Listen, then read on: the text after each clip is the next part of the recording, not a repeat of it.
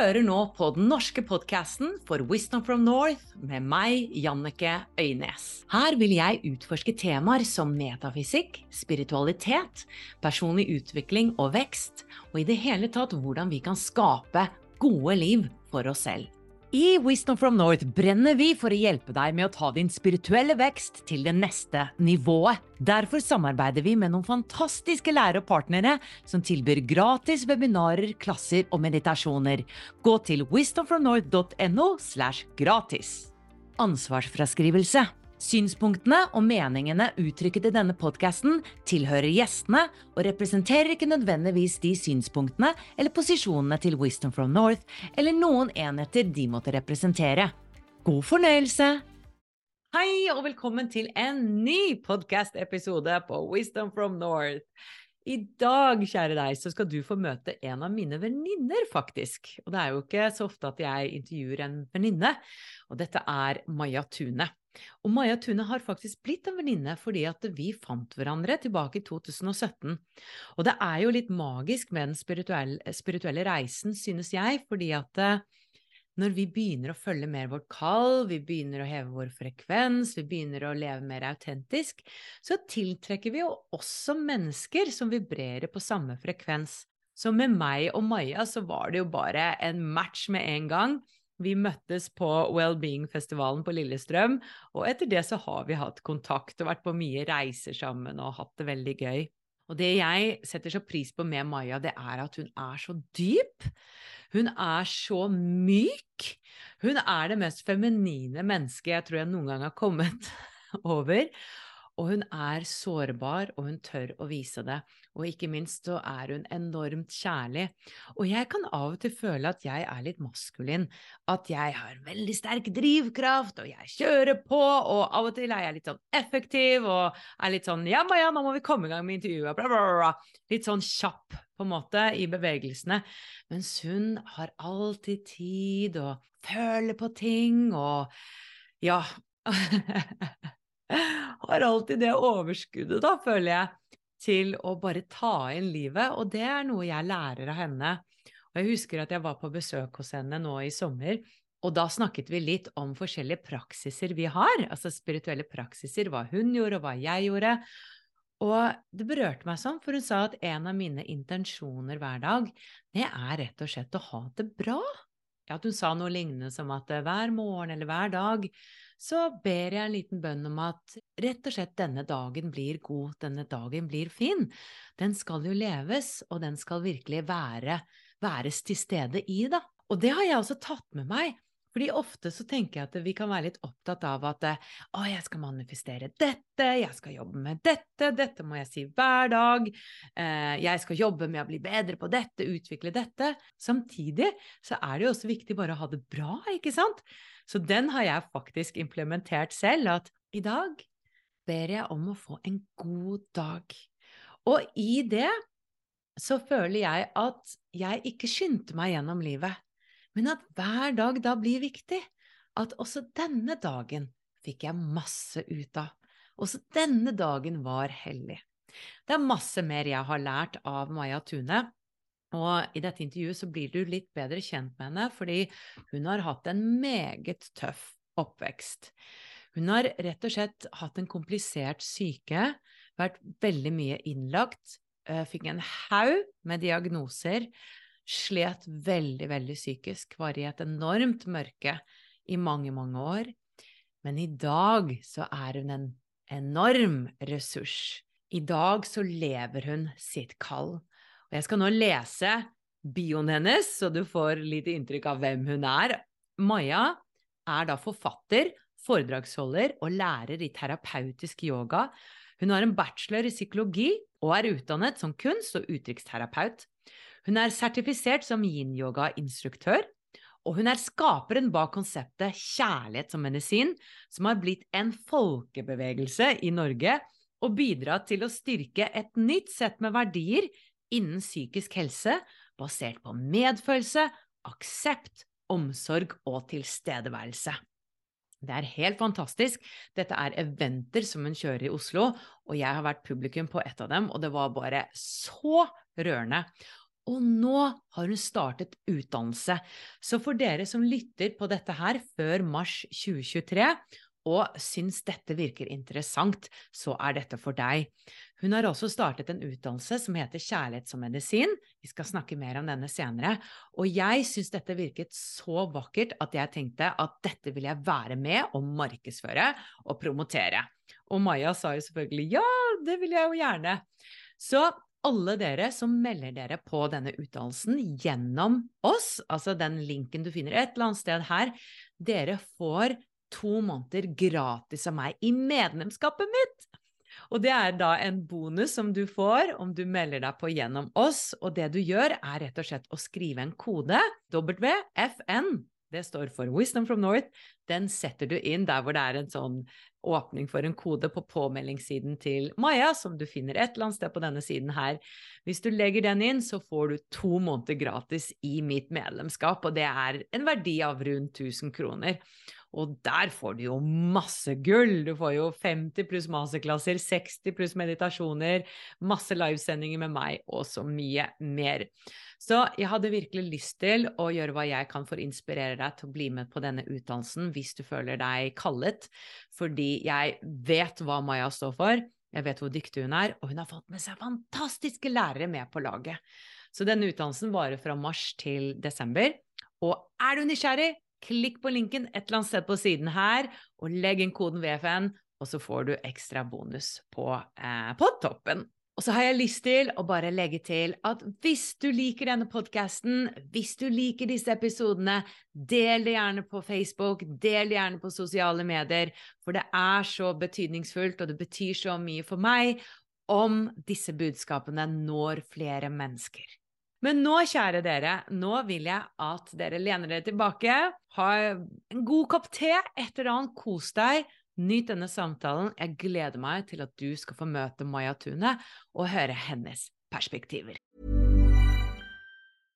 Want flexibility? Take yoga. Want flexibility with your health insurance? Check out United Healthcare Insurance Plans. Underwritten by Golden Rule Insurance Company, they offer flexible, budget friendly medical, dental, and vision coverage that may be right for you. More at uh1.com.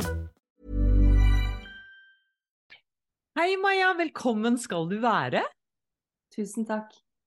Det er en glede for meg å kunne intervjue deg, Maja. Vi er jo venninner og har kjent hverandre nå siden 2017. Du er også en av våre masterklasselærere i mitt medlemskap, eller din klasse kommer nå i 2023. Og jeg har lyst til å høre i dag mye mer om din reise, fordi jeg vet at du har hatt en veldig tøff ungdom med mye innleggelser, mye psykiske vanskeligheter som du har slitt med. Og i dag så følger du kallet og hjelper andre. Og det har jo vært en vanvittig transformasjon som du har vært igjennom. Og for at folk skal bli litt bedre kjent med deg og forstå den virkelige transformasjonen du har hatt, så vil jeg gjerne at du deler hvor var det din reise egentlig begynte, før ditt kall, før du ble den du er i dag. Eh, fortell oss litt, hvor startet det hele? Jo, veldig gjerne. Takk for at du spør. Um, jeg um har en uh, historie som er ganske sterk og ganske tøff, men også veldig rik. Um, sånn ser jeg det i ettertid. Men jeg var innlagt mye på psykiatrisk sykehus i tenårene mine. Sleit veldig mye med angst. Eh, og den var såpass heftig og vond at jeg ble tvangsinnlagt, faktisk, på et psykiatrisk sykehus i en alder av 17 år. Og det ble veldig mye inn og ut av sykehus. Jeg fikk mange diagnoser. Eh, og hele tiden fikk jeg nye piller da, eller medisiner som skulle da kurere meg og disse diagnosene som jeg hadde fått. Og noe av det dempet, noe av det ble dempet, noe av smerten ble dempet. Men jeg følte på et vis at det var ingenting som løste helt det jeg sleit med, da. Det var ingenting som tok bort angsten fullstendig, eller eh, på en måte bidro til at jeg fikk gå gjennom lidelsen min eh, i, innenfor psykiatrien, da. Så det som egentlig jeg syns var Som jeg sitter igjen med i dag, eh, når jeg tenker tilbake, som berørte meg mest, var jo møtet med mine medpasienter. Fordi jeg opplevde der at det var veldig sånn maskeløst, da. Og det var utrolig mange intelligente, genuine sjeler som sto for utrolig mye bra i verden. Eh, som jeg opplevde at ikke ble sett for det, kanskje, men det var veldig mye den merkelappen, eller den diagnosen, da, som vi fikk. Og vi følte oss veldig utilstrekkelige alle sammen. Um, vi følte at hovedfokuset hvilte på det, og at det var veldig få som var opptatt av det som lå under eller bak uh, den smerten som vi hadde, da. Så det ble en runddans for meg. Jeg var veldig ustabil også i følelsene mine. Jeg hadde veldig vanskelig med å såkalt regulere følelser, da. Så jeg kunne gå veldig høyt opp og veldig langt ned veldig fort. Så jeg sleit absolutt. Jeg skal ikke ta bort det. Jeg hadde ganske omfattende psykiske problemer eh, i tenårene og inn i 20-årene. Men eh, veldig mye av poenget med det jeg sier nå, er at diagnosene, da, som var bipolar, som var schizofren, som var schizoaffektiv, som var borderline, som var egentlig veldig mange, det hjalp meg aldri. Eh, og at noen møtte meg med bare det og en resept på medisiner. Og det var jo i hovedsak det man ble møtt med på 90-tallet, da. Så, og jeg syns jo at uh, det er veldig mange forbedringer som har skjedd innenfor psykisk helsevern, det må jeg si, for jeg jobba mye innenfor psykisk helsevern. Uh, jeg tok etter hvert eh, et par bachelorgrader, en i spesialpedagogikk og en i psykologi. Tok en videreutdanning, en psykoterapiutdanning i kunst- og uttrykksterapi, og ble yogalærer, da, uh, etter hvert. Og jeg må jo si at jeg syns det er veldig mye som har endra seg til det bedre. Og så syns jeg det er veldig mye som fortsatt er på stedet hvil, da. Og det er eh, spesielt dette her med at man er veldig opptatt av piller og medisiner. Fortsatt bruker diagnosetankegangen ekstremt mye. Eh, men det jeg opplever som har forbedra seg, er kanskje at man har blitt noe mer human. Man er noe mer opptatt av å se mennesket bak diagnosen nå enn man var for 20 år siden. Men det var en kortversjon av egentlig min eh, min sykehistorie. Men jeg var veldig heldig, Annike, fordi jeg fikk møte utrolig fine mennesker på veien. Og det er ikke ett menneske, men det er flere. Ja, for jeg blir jo veldig nysgjerrig på, sant, når du går fra sånne heavy mm. diagnoser, eh, hva var det som gjorde at du ble frisk? Altså, du er jo en kraftfull person i dag som jeg opplever er sårbar, men det er bare vakkert og nydelig, og det har vi snakket en del om. Eh, og du står i følelsene dine. Samtidig så virker du veldig harmoni og en geskjeftig kvinne som arrangerer ting, skriver bøker, er eh, yogalærer, har masse utdanninger. Altså du er jo veldig på plass. Så hva var det som gjorde at du ble frisk? Mm, det er en kombinasjon av flere ting, tenker jeg. Og så har det gått over tid. Eh, men det er eh, det som jeg begynte å komme inn på, det er med at jeg fikk møte mennesker som hadde en uh, ny approach, eller tilnærming, da, til eh, smerten i meg. Jeg traff bl.a. en kroppsterapeut som var veldig opptatt av eh, å hjelpe meg til å puste meg gjennom plagene mine. Så hun jobba veldig mye med å puste meg. Jobba med kroppsbevissthet, kroppskontakt. Eh, hjalp meg til å komme inn i hjertet. Gikk mye turer med meg, gjorde mye yoga med meg. Hadde meg med til Sinai-ørkenen ga meg mye fysisk kontakt og berøring, da. Og det var jo noe man var veldig opptatt av ikke gjøre for mye av innenfor murene, som jeg noen ganger pleier å si. For vi var jo lukket inne alle sammen, ikke sant. Mens hun liksom tok meg med ut, da. Til det åpne, inn til, til Sinaørkenen, til, eh, til skogen, til naturen, da. Som jeg tenker er veldig helbredende i seg selv. Men det som er, var den viktigste kvaliteten i møtet med henne, var at hun liksom visste at det psykiske plager handler veldig mye om eh, at man er så redd at man mister kontakt med kroppen sin. Og hun hjalp meg til å komme inn i kroppen. Kroppen som hus, da, var metaforen. Sånn at jeg liksom fikk hjelp til å komme inn, og fikk denne såkalte jordingen eller groundingen, som jeg ikke hadde nesten noen ting av. Jeg var veldig her oppe, jeg var veldig, veldig redd. Masse angst, masse hjertebank. Jeg var liksom en fight or flight eller freeze. I verste fall så stivnet jeg helt. Jeg gikk i frys ikke sant? og nummet meg ut. Og det var liksom, hvis noen spurte meg hvordan jeg hadde det, så kunne jeg bare svare jeg vet ikke. Fordi at uh, følelser trenger jo somatiske eller kroppslige markører for å kunne være. Så følelsene mine ble på et vis nummet ut at jeg mistet kroppskontakt av å være så redd, og at jeg ble fullstendig dopa ned. ikke sant? Og så traff jeg henne som traff meg, eller møtte meg helt uten fokus på diagnose, men Maja. Hun var veldig opptatt av hvem den jenta var da, som bodde bakenfor diagnosene. Hva var det jeg var interessert i? Hva var min lidenskap? Hva var det som inspirerte meg? Eh, hva var drømmene mine før jeg ble innlagt? ikke sant?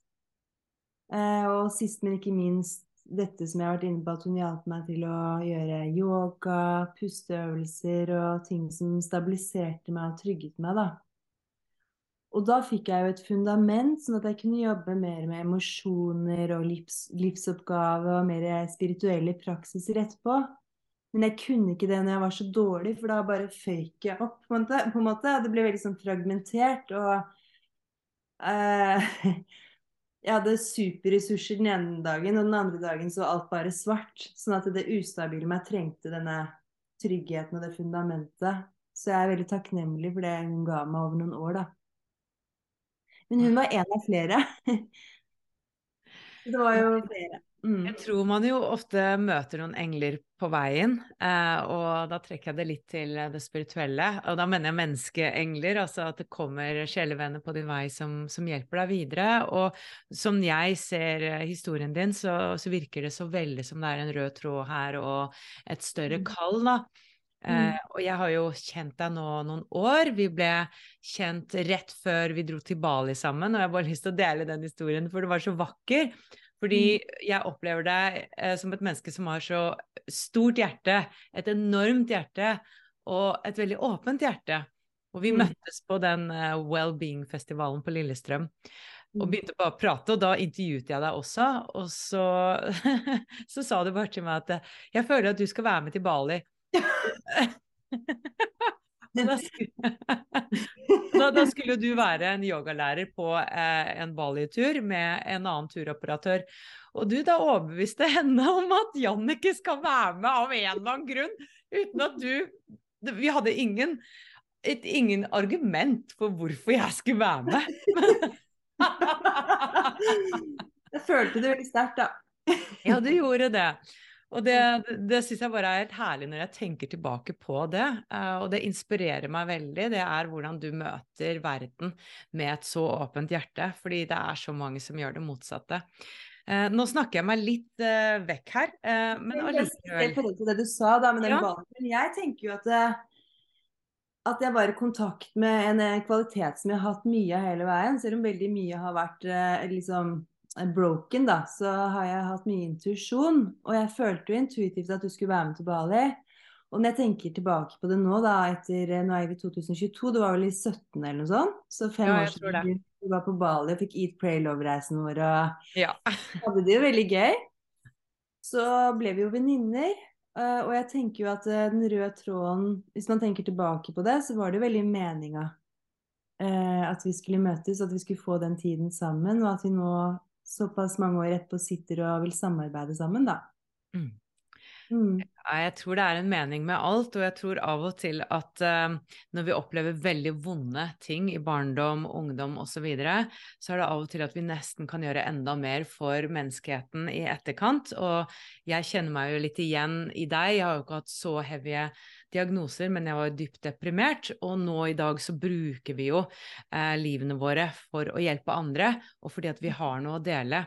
Så jeg har lyst til å pensle litt tilbake på dette med kjærlighet som medisin.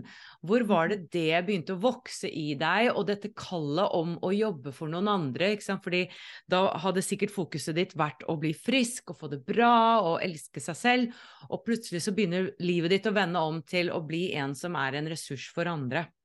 Uh, fortell litt om den overgangen der til at kallet mm. kom fordi at du bruker det ordet kall. Ja, jeg bruker det ordet kall, ja. Um, så da hadde jeg truffet uh, denne terapeuten og flere terapeuter som hjalp meg til å få, finne tryggheten og komme inn i kroppen, og også få kontakt med kreativiteten min.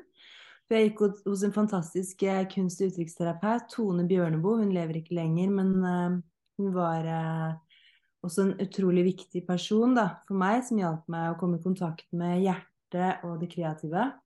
Så jeg gikk hos henne også i mange år. Jeg bare lyst, hadde bare lyst kjente at det var godt for meg å få en tone her også, som en ressurs, da. Um, og uh, uh, så jobbet jeg jo Jeg beveget meg jo fra å være innlagt til å bli ansatt innenfor psykisk helsevern. Så jeg jobba jo i akuttpsykiatrien i veldig mange år. Og det var utrolig godt for meg å gi noe tilbake.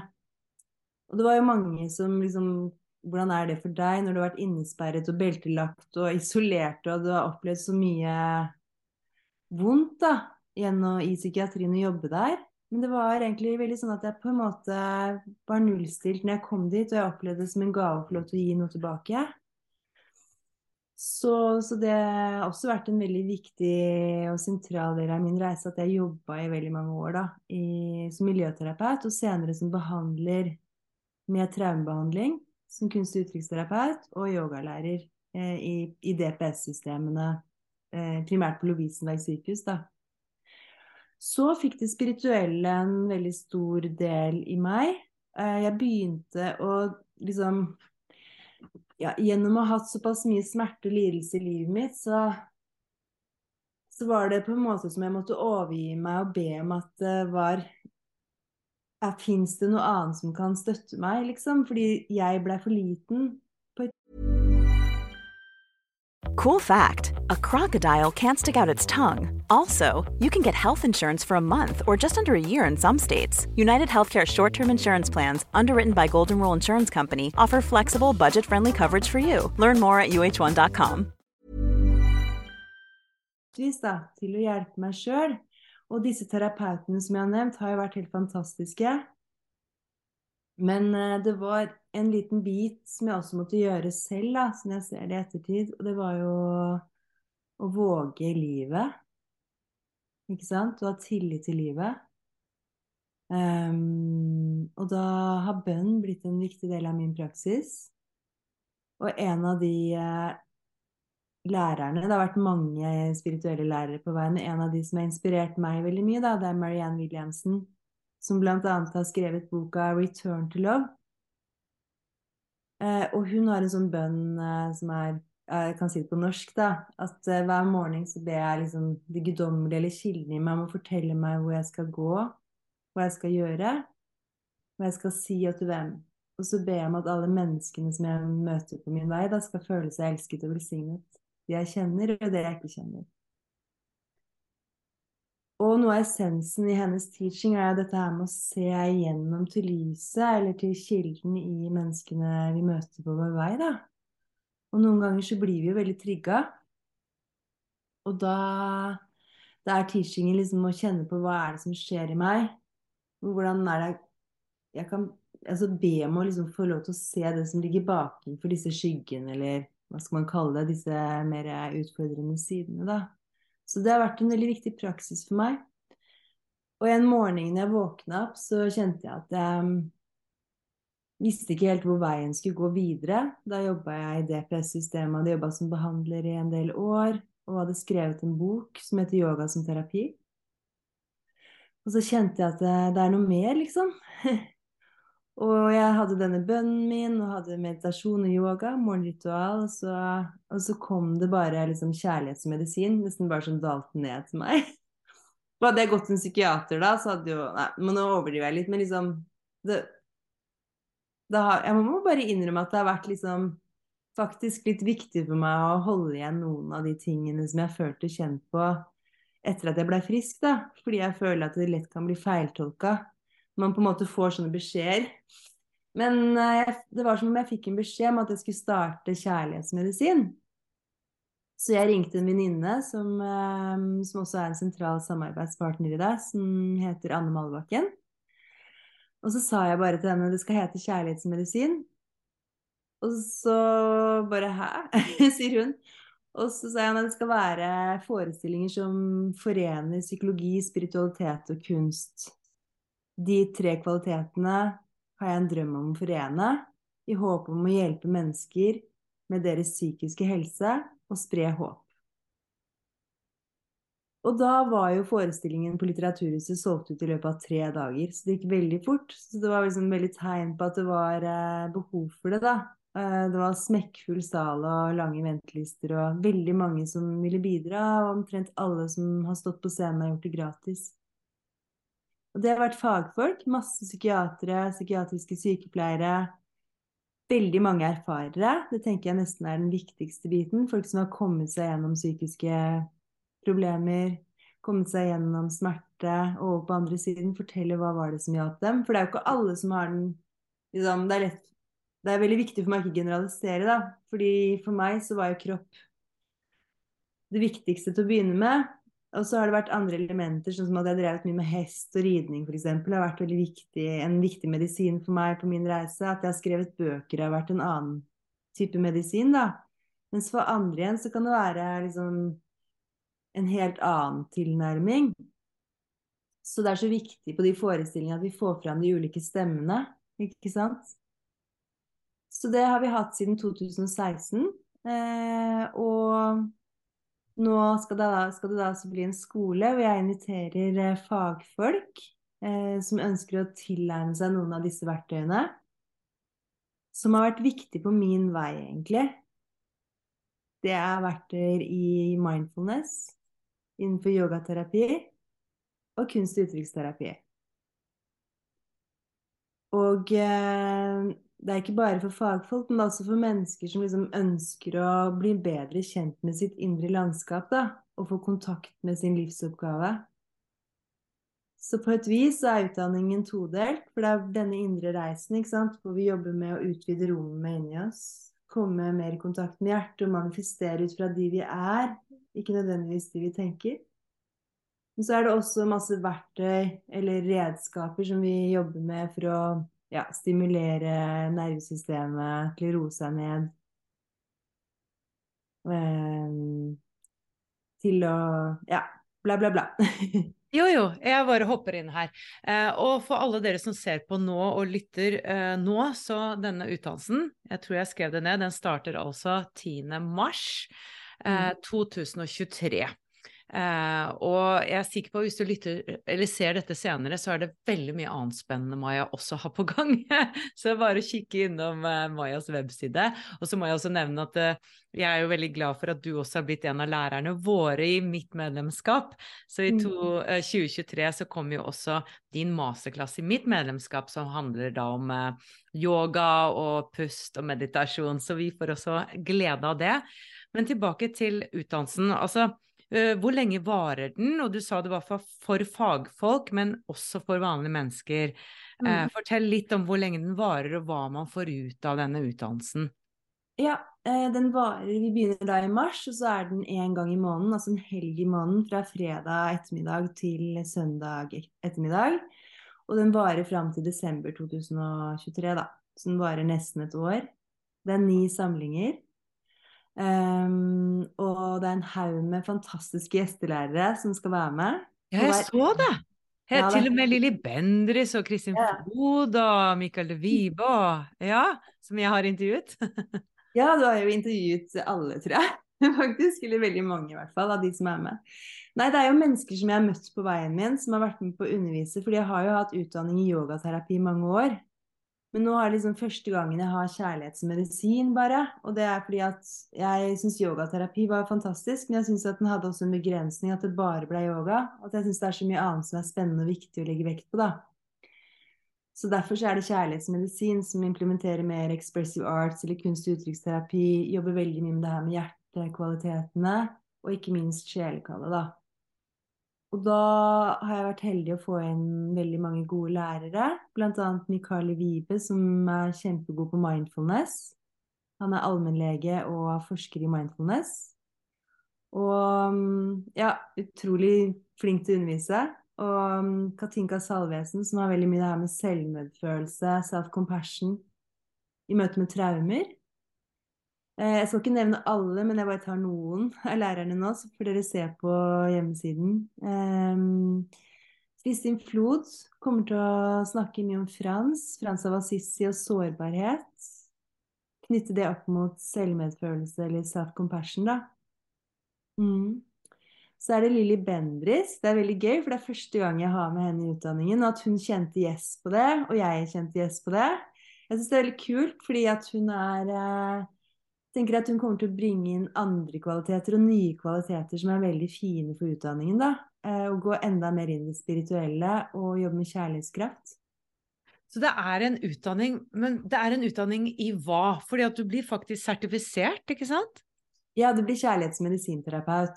Ah, wow, ok, så du blir terapeut, ja.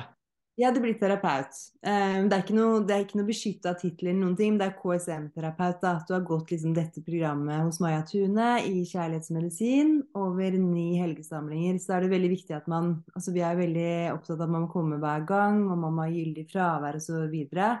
så det er ikke noe bare, det er ikke noe stikke innom-utdanning, fordi det er veldig sånn Vi deler mye i sirkelen og i gruppa støtter hverandre, og det er ganske mye eh, dypt arbeid eh, oss imellom, da. Eller for studentene også. Ja, for det er vel ofte sånn at når du Jeg har ikke gått en terapeutisk utdanning selv, men når du skal bli terapeut eller coach, så går du også gjennom dine egne ting. Så utdannelsen handler jo sikkert om det, ikke sant? Å møte hva er mine blokkeringer. Ja, så første halvdel av utdanningen vil jeg si handler veldig mye om ja, hvor er det det stopper opp for meg, f.eks. ikke sant? Vi jobber med, jobber med fremtidsscenarioer første helgen. Altså hva er drømmene våre? Og så vil vi også da, når vi har fått kontakt med drømmene, gjennom spontanitetsskapende arbeid bl.a., så vil vi også se på liksom, hva er det som hindrer meg. Ikke sant? Komme inn på det, og så jobbe videre med det. For eksempel, eh, hva er min dypeste angst? Jobbe med det. Og og så er det veldig individuelt, så man får ulike teknikker, sånn at man kan eh, være i kontakt med angsten sin, da. Jeg si en ting til, da, fordi at vi Ja. gjør en del yoga også. Siden, altså jeg har holdt på med yoga i 25 år, eller hva det er. Det er veldig, ja, 25 år nå. Sånn at eh, yoga er jo en viktig del eh, av utdanningen eh, også. Sånn at hvis man er vanlig yogalærer, om jeg kan si det sånn, da, f.eks. har gått til en hatha-yogalærerutdanning eller vinyasa teacher training eller en annen yogaform, og er utdannet til det, så vil man også få tittelen yogaterapeut. Fordi vi kommer til å komme inn på såpass mange teknikker som handler om å roe nervesystemet, såpass mye pusteøvelser, mindfulness-teknikk og yogaterapi, da. Så det er liksom begge disse to som forenes i disse ni helgene. Men jeg må si at jeg tenker at det er først og fremst en utdanning som er, er for selvutvikling. Om jeg kan si det sånn, at det er for å bli bedre kjent med seg selv og forhåpentligvis bli, bli et bedre medmenneske, da. Og at man gjennom det, at jeg blir bedre kjent med meg, så er det lettere for meg også å få kontakt med sjelekallet mitt. Mm. Eller livsoppgaven min, og vite liksom hva som blir veien videre. Ja, for der, eh, der brenner vi litt for det samme. Du kaller det jo kall, og jeg kaller det livsoppgave, og jeg tror også det at vi Jeg tror alle har en livsoppgave, og det handler litt om å komme i kontakt med det, og at vi har et enormt potensial alle sammen. Samtidig Mm. trenger vi å gå en indre reise. Og det er så fint at det finnes muligheter for å ta sånne dype utdanninger eller dyp, dype kurs for å bli mer kjent med seg selv, for det er jo da du kommer i kontakt med hva det er. Det er jo ikke en quick fix i det hele tatt. Så det virker som en utrolig vakker og helhetlig, som jeg sa, utdanning med den bonusen på toppen at du faktisk kan eh, bli en terapeut også, da. Så dette er jo kjempespennende, Maja. Eh, jeg hadde lyst til nå, før tiden eh, løper fra oss, eh, hva er det viktigste du har lært eh, på denne reisen din, som du har implementert i din spirituelle praksis, kan vi si, eller i din hverdag? Eh, fra din reise, hva er det viktigste, altså den visdommen du, du har tatt med deg? Oi, det er et uh, stort spørsmål. Um, det aller viktigste, tror jeg, det har vært reisen fra hodet til hjertet. Fordi at i hjertet så er det ikke uh, Det er mindre fokus på å definere, det er mindre fokus på kontroll. Det gir et større rom, da, et større handlingsrom i møte med livet. Og det er lettere å la seg lede av ja, en livsoppgave, kjenne intuisjonen, kjenne veien videre, kjenne hvilke valg som er viktige å ta man kommer ned hjertet. Og komme ned hjertet handler veldig mye om å omfavne sårbarheten. Og jeg er et ekstremt sårbart og nakent menneske. Og jeg, selvfølgelig har jeg mine masker, jeg også, men jeg opplever at uh, for hvert år som går, da, så blir det vakrere og vakrere å omfavne det i meg. Og da kan jeg jo selvfølgelig Det går jo begge veier. Eller at når jeg rommer og tåler det i meg, så tåler jeg det i andre mennesker også. Så jeg tror det må være at det har vært reisen fra hodet og ned til hjertet, omfavning av sårbarhet. å komme ned i kroppen, slik at eh, det spontane og kreative får lettere utløp. Og så har jeg vel lært at vi mennesker er mer like enn ulike. Mm. Vi vil veldig ofte det samme, på et vis. Vi ønsker fravær av lidelse, alle sammen. Vi ønsker å få kontakt med glede. Vi trenger kjærlighet. De her grunnleggende kvalitetene deler vi jo. Og sårbarhet, det er en styrke for deg, ikke sant? Absolutt. Mm. Ikke alltid jeg klarer å være sårbar, men når jeg klarer det, eller når jeg er sårbar, da, det er ikke noe å klare egentlig, så opplever jeg at jeg får mye energi. Hva vil du si til de som blir kjemperedd når de hører noe sånt nå? Jeg kan se for meg enkelte menn kan slite mer med det kanskje enn enkelte kvinner, eh, fordi de er vi er ofte, eller menn er ofte oppdratt til at de ikke skal gråte og være sterke og ta seg sammen, og selvfølgelig, mange kvinner kan også ha fått den oppdragelsen. Så hva vil du si til dem som Nei, nei, nei, nei, for all del, jeg skal være stolt, jeg skal ikke vise min sårbarhet. Mm. Men det vil jeg først og fremst si at det skjønner jeg veldig godt, da. Ut fra den kulturen eh, vi har vokst opp i, ikke sant, og den verdenen, eller virkeligheten vi lever i. Eh, men jeg vil gjerne invitere til det. Og så tenker jeg at det handler om eh, at den utvikler seg, eller åpenbarer seg på organisk vis for oss mennesker, da. Og den kommer kanskje til oss også, sårbarheten, når vi er klare til å ta den imot. Så det er ikke noe som egentlig trenger å være påtvunget, eller noe vi må gjøre. Jeg tror det er veldig viktig at vi nå beveger oss mer fra doing og inn i being, eller fra gjøren inn i væren, og at eh, at sårbarheten også er noe som kan komme til oss når vi er klare, da. Fordi sårbarhet henger vel sammen med kjærlighet og hjerte. Altså mm. at hvis du skal åpne hjertet, så må du være, må du være sårbar. Ja, det må vi, eller vi trenger det. Og da, for da kommer vi også i kontakt med savn, ikke sant? Og lengsel og mange sånne sterke, litt kanskje ubehagelige følelser til å begynne med. Men først må vi være trygge. Og den tryggheten, den kommer gjennom og den tryggheten kan komme gjennom mye, men den tryggheten kan komme gjennom at vi våger etter hvert å puste. Våger å kjenne at vi bor i egen kropp. Våger å ha tillit til menneskene rundt oss. Mm. Um, våger å søke hjelp. Våger å be om trøst og støtte. Det er mange ting, da. Så det er litt en, egentlig en ny måte å være på. Altså ta, det jeg hører deg sier, er å ta vare på sine behov, mm. eh, be om hjelp, være sårbar, altså eh, For å være i kroppen. Altså kanskje egentlig det motsatte av det mange har gjort hele livet. Være stolte, være oppi hodet, eh, jobbe hardt, alt dette. Det er egentlig en sånn oppmykning, egentlig. En, en, og tillit, altså ny, et nytt forhold til livet og deg selv, egentlig. Ja, ikke sant, for da kan vi lettere altså det, det engelske, Jeg liker veldig mange av de engelske ordene 'allow'.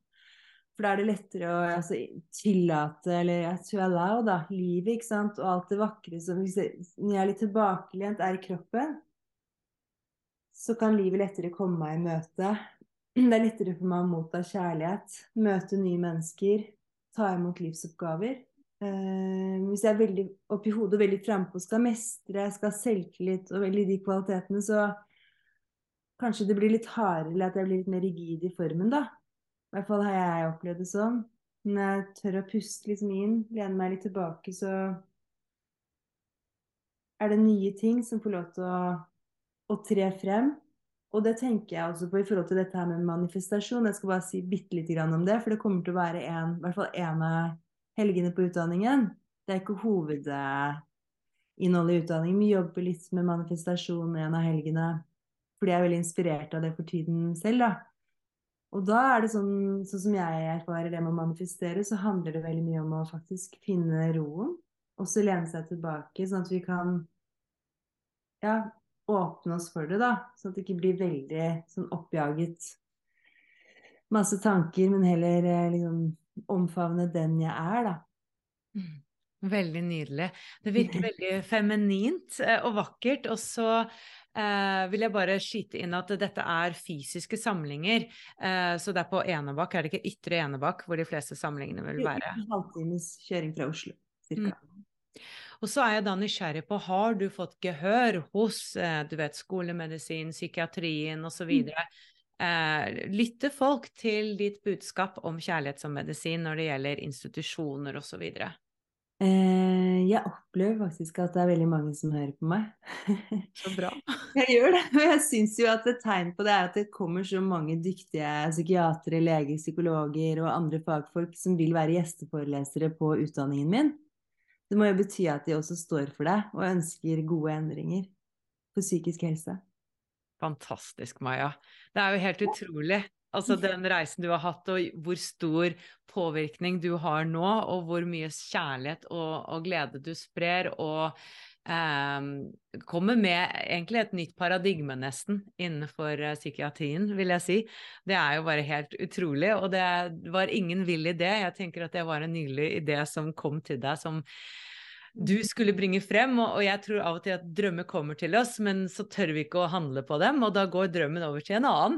Så det var så bra at du faktisk tok den imot. Og en annen teaching og visdom som jeg syns du sa også, var at uh, istedenfor da å dele den med alle, så, så, bar du den drømmen som noe verdifullt som du fikk, og så tok du handling når du var klar. Det er noe mm. med det når vi får drømmer at vi ikke går og deler det med alle, fordi da mister vi litt energi i den drømmen. Eh, når vi mm. prater masse om det, skal det være at det blir bare med praten. Men du mm. tok virkelig vare på det som en gave, og så satte du i gang hjulene, og så ble det så stort, og, og det det er i dag. Så tusen, tusen takk, og masse lykke til. Tusen hjertelig takk, Jannike. Det var veldig hyggelig å prate med deg, som alltid. Ønsker du å utvikle deg som menneske, åpne opp mer for din livsoppgave og utforske en dypere mening med ditt liv? Så er du hjertelig velkommen inn i Wisdom from North-medlemskap. Og det finner du på wisdomfromnorth.no slash medlemskap. Om du vil gå enda litt dypere, så finner du alle våre norske nettkurs på wisdomfromnorth.no og våre engelske nettkurs på wisdomfromnorth.com. Du finner oss også på Instagram, Facebook og YouTube ved bare å søke på Wisdom from North. Vi høres igjen!